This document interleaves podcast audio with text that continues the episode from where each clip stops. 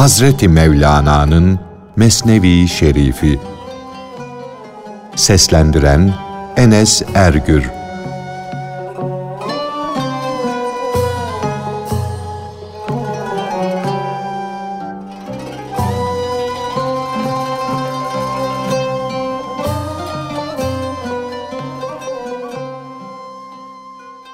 İnsanın cüz'i bile olsa iradesinin yani yapma gücünün bulunması onun güvenini arttırır da yaptığı ibadetten, kulluk ve iyiliklerden manevi bir zevk alır.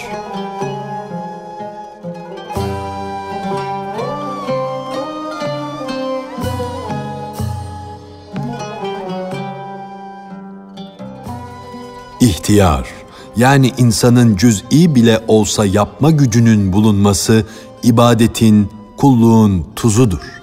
Yani lezzetidir. Yoksa bu gökyüzü de dönüyor. Dönüyor ama kendi dileği ile değil. Feleklerin dönüşünde ne sevap ne de günah vardır.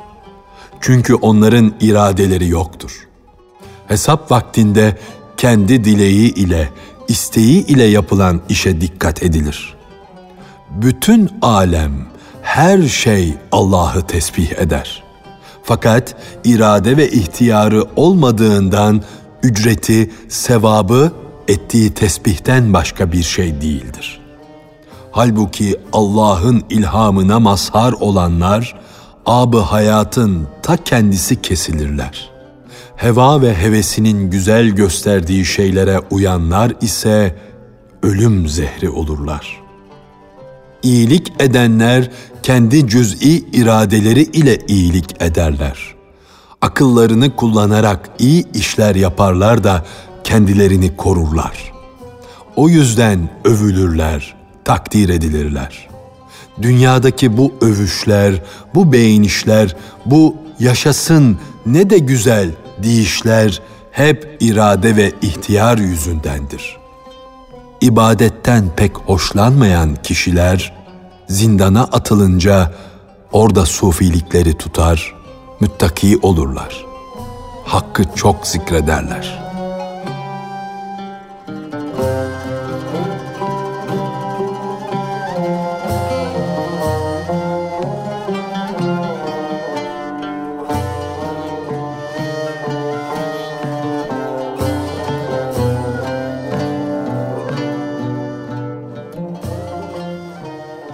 İnsanı hırstan kurtaracak şey acizlik, yokluk ve yoksulluktur.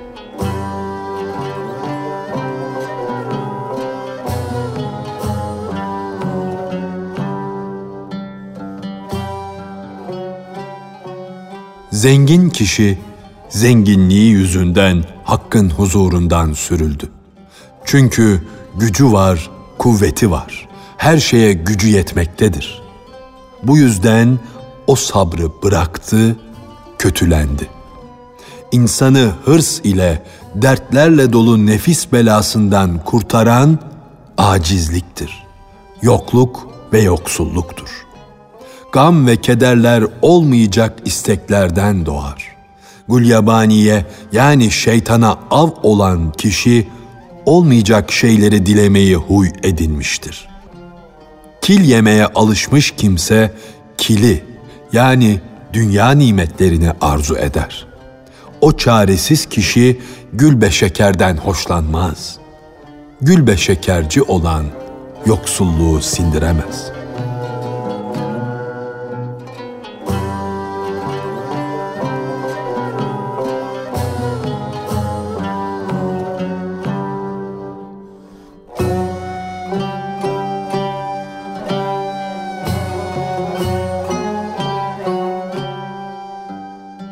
Riyazatla bedenin ölmesi ruhun dirilmesidir.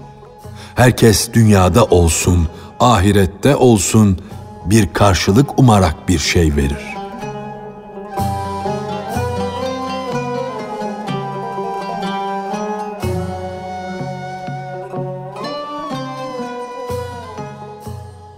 Dervişlerin bu riyazatları ne içindir? Çünkü bedene gelen eziyetler, sıkıntılar ruhların sağlığını temin eder. Bir hak yolcusu riyazatta ruhun bekasını, ölümsüzlüğünü bulmasa, fazla oruç tutmak, fazla yorucu ibadetlerde bulunmak suretiyle bedenini hırpalar, hasta eder miydi? İnsanın ruhu verdiğinin karşılığını görmese yahut görmüş gibi verileceğini bilmese elini açar da cömertlik eder, ibadette bulunur mu? Kar kazanmak, faydalanmak ümidi olmadan veren ancak Allah'tır. Allah. Yahut da hakkın vesilesidir. Çünkü o da hakkın ahlakı ile ahlaklanmış ve baştan aşağı nur kesilmiştir. Zengin olan ancak odur. Ondan başka herkes fakirdir. Fakir karşılıksız al diyerek bir mal verebilir mi? Bir çocuk bile elmayı görmedikçe elindeki kokuşmuş soğanı bırakmaz.'' Bütün bu alışverişler, bütün bu pazarlar menfaat içindir. İnsanlar bir şeyi elde etmek ümidiyle dükkanlara geçmiş oturmuşlardır. Yüzlerce güzel malı müşteriye gösterirler. Gönüllerinin içinde ise gösterdiklerine karşılık alacakları parayı ve edecekleri karları düşünürler. Ey din kardeşi, şunu iyi bil ki dindaşından bir selam duyarsan o selam bile bir menfaat karşılığı verilmiştir. Yani biri sana selam verirse onunla ahbab olayım ve ondan şu suretle faydalanayım diye verir. Kardeşim, ister halktan, ister ileri giden kişilerden bir menfaat düşünmeden bir selam verildiğini işitmedim ve selam. Yalnız Allah'ın selamında bir menfaat, bir tama yoktur. Aklını başına al da halkın selamını ev ev, mahalle mahalle, köy köy ara. Bu gönlü uyanmış, ötelerden manevi koku almış kişinin ağzından hem hak haberini aldım hem de hak selamını duydum. Ben Allah'ın selamını alırım ümidi ile velilerin yanına gider, onları canla, gönülle dinlerim. Dinlerim de onların candan daha tatlı olan sözlerinden, selamlarından Hakk'ın selamını duyarım. Çünkü o veli kendi varlığını tevhid ateşine atmış, yakmış, yok etmiş olduğu için onun selamı Hakk'ın selamı olmuştur. O kendisinden, kendi varlığından ölmüş, Rabbi ile dirilmiştir. Bu yüzdendir ki Hakk'ın sırları onun iki dudağı arasındadır. Riyazatla bedenin ölmesi diriliktir. Bedene zahmet vermek, onu hırpalamak, ruhu ölümsüzlüğe ulaştırmaktır. Bu fani dünya gerçek varlık dünyası değildir. Bu sebeple eğreti bir dönüşte fayda yoktur. Bunu bilmiş ol ki bedenden, maldan, mülkten kaybetmekte, ziyana uğramakta ruha fayda vardır. Onu vebalden kurtarır. Sen de riyazatla, canla, başla müşteri ol. Çünkü bedenini Allah yolunda hizmete verirsen, canını kurtarmış olursun. Eğer riyazat sana kendiliğinden, ihtiyarın dışında kalırsa, ey murada ermiş kişi, secdeye kapan, şükran borcu olarak fakirlere sadaka ver. Allah o riyazat isteğini sana verdi ise şükret. Çünkü sen bir şey yapmadın. Hak seni kün ol emri ile riyazata çekti.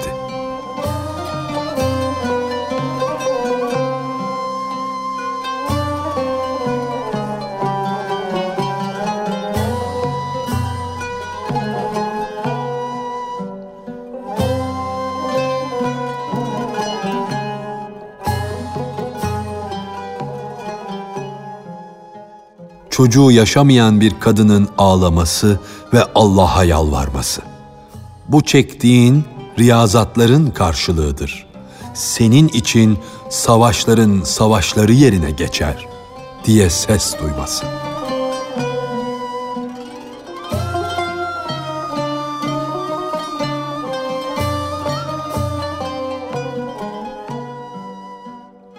Bir kadın vardı. Her yıl bir çocuk doğururdu. Fakat çocuk altı aydan fazla yaşamazdı. Ya üç aylık ya dört aylık iken ölüp giderdi. Sonunda kadın, ''Ey Allah'ım!'' diye feryat etti. ''Bu çocuklar'' dedi. ''Bana dokuz ay yük oluyor, üç ayda beni sevindiriyor, bana verdiğin nimet ebem kuşağından da tez geçip gidiyor.'' Kadın velilerin de huzuruna gider, bu dertten şikayette bulunurdu. Böylece tam 20 çocuk mezara gitti. Kadının canına yakıcı bir ateş düştü. Nihayet bir gece rüyasında ona yemyeşil, güzel, kusursuz ebediyet yurdunu, cenneti gösterdiler. Neliğe, niteliğe sığmayan nimete cennet dedim. Çünkü orası nimetlerin de aslıdır. Bağ ve bahçelerin de toplandığı yerdir. Yoksa göz görmedik nimetler için bağ demek de doğru değildir. Cenab-ı Hak da gayb nuruna çera, kandil diye buyurmuştur. Cennete bağ, gayb nuruna çera denilmesi ona misil, eşit değil, ancak bir örnektir.'' Bu söz şaşırıp kalın, ondan bir koku alın diye söylenmiştir. Sözün kısası kadın cenneti görünce mest oldu ve bu tecelli yüzünden kendisinden geçti. Bu köşkün üstünde adının yazılmış olduğunu gördü. O inancı doğru olan kadın orasının kendisine ait olduğunu anladı. Sonra ona dediler ki, bu nimet acılara katlananın, büyük ızdıraplara tahammül edenin, hak sevgisi uğrunda her şeyi feda edenindir. Çünkü hizmet etmek gerek ki sen de bu manevi ziyafete, bu kuşluk kahvaltısına layık olasın. Sen ibadette, hakka ilticada tembel davrandın. Buna karşılık da Allah sana bu musibetleri verdi. Kadın, Ya Rabbi dedi. Yüz yıl hatta daha da fazla bir zaman bana bu çeşit musibetleri ver, benim kanımı dök. Yavaş yavaş, adım adım cennet bahçesinde ilerleyince orada bütün çocuklarını gördü. Kadın dedi ki, Allah'ım çocuklarım benden kayboldular fakat senden kaybolmadılar. Gaybı, gizli şeyleri gören iki gönül gözü bulunmayan kimse gerçekten de insan değildir.''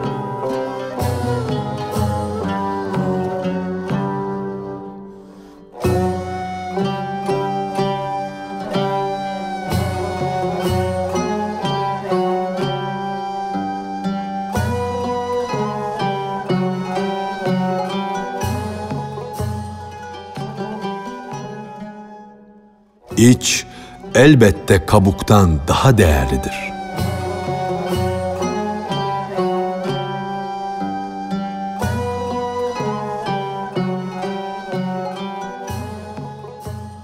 Her meyvenin içi kabuğundan iyidir.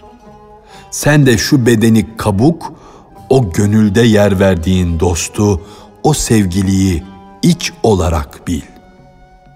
İnsanda pek güzel bir iç, bir cevher vardır ki o da Allah'ın ihsana nef ettiği ruhtur.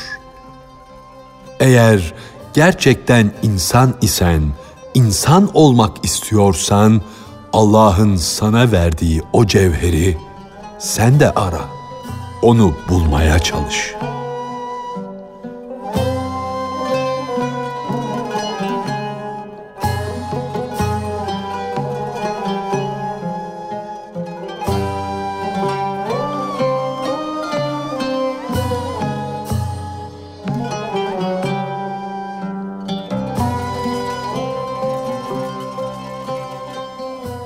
Hazreti Hamza'nın zırhsız savaşa girmesi.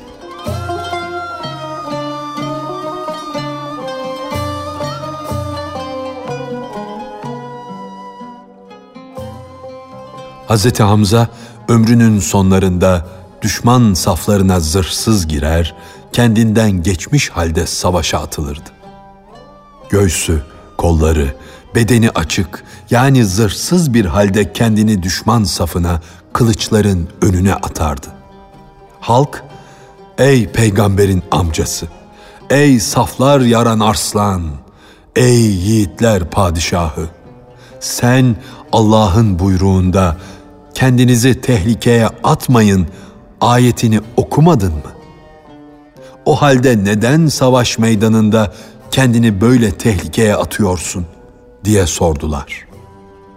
Sen genç iken, sağlam iken, gücün kuvvetin varken düşman safına zırhsız girmezdin.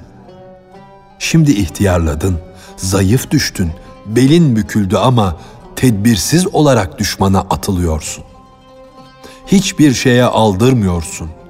Bir kılıç ve bir mızrakla savaşa giriyor, sanki kendini imtihana çekiyorsun. Kılıç duygusuzdur. İhtiyara saygı göstermez, acımaz. Kılıçta, okta insanı ayırt etmek hassası yoktur. Bir şeyden haberleri olmayan dostlar, onun durumuna üzülenler, gayret ve sevgilerinden ötürü ona böyle öğüt veriyorlardı. Hazreti Hamza dedi ki, ben genç iken ölümü bu dünyaya veda etmek gibi görürdüm. Ölüme doğru kim isteyerek gider? Ejderhanın önüne kim çıplak çıkar?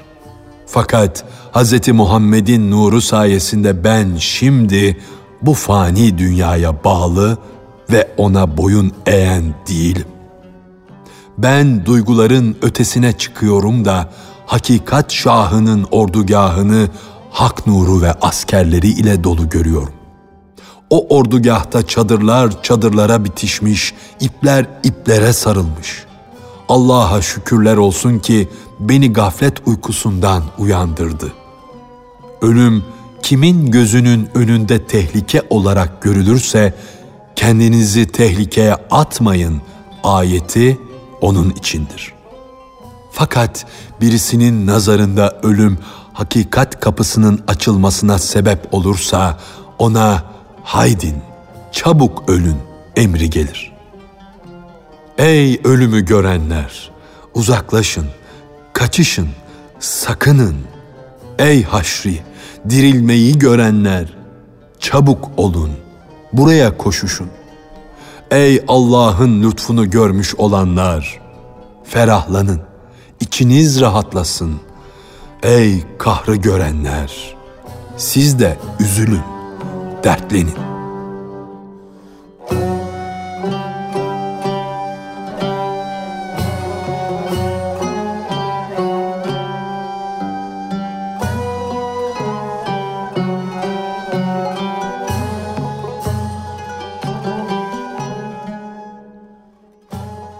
Oğul, herkesin ölümü kendi rengindedir.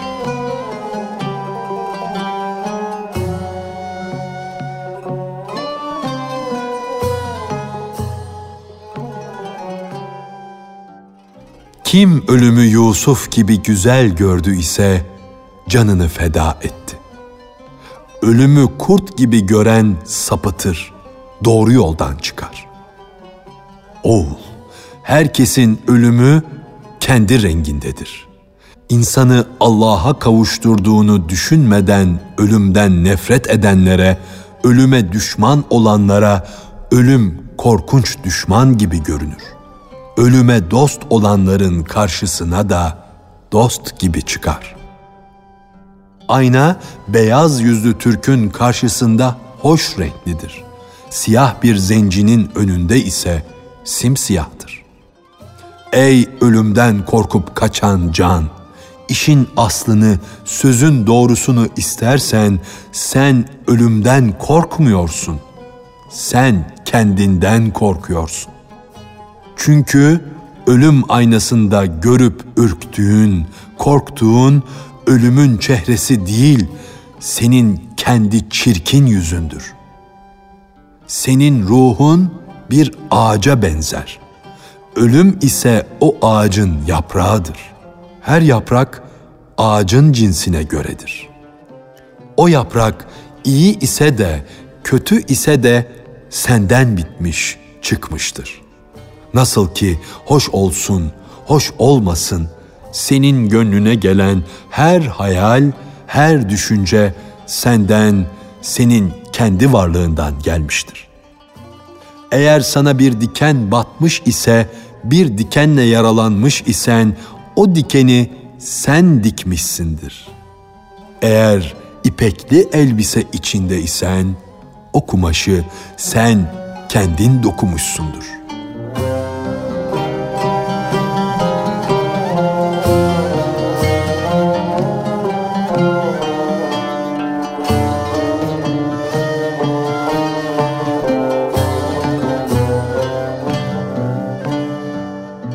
Hazreti Mevlana'nın Mesnevi Şerifi. Seslendiren Enes Ergür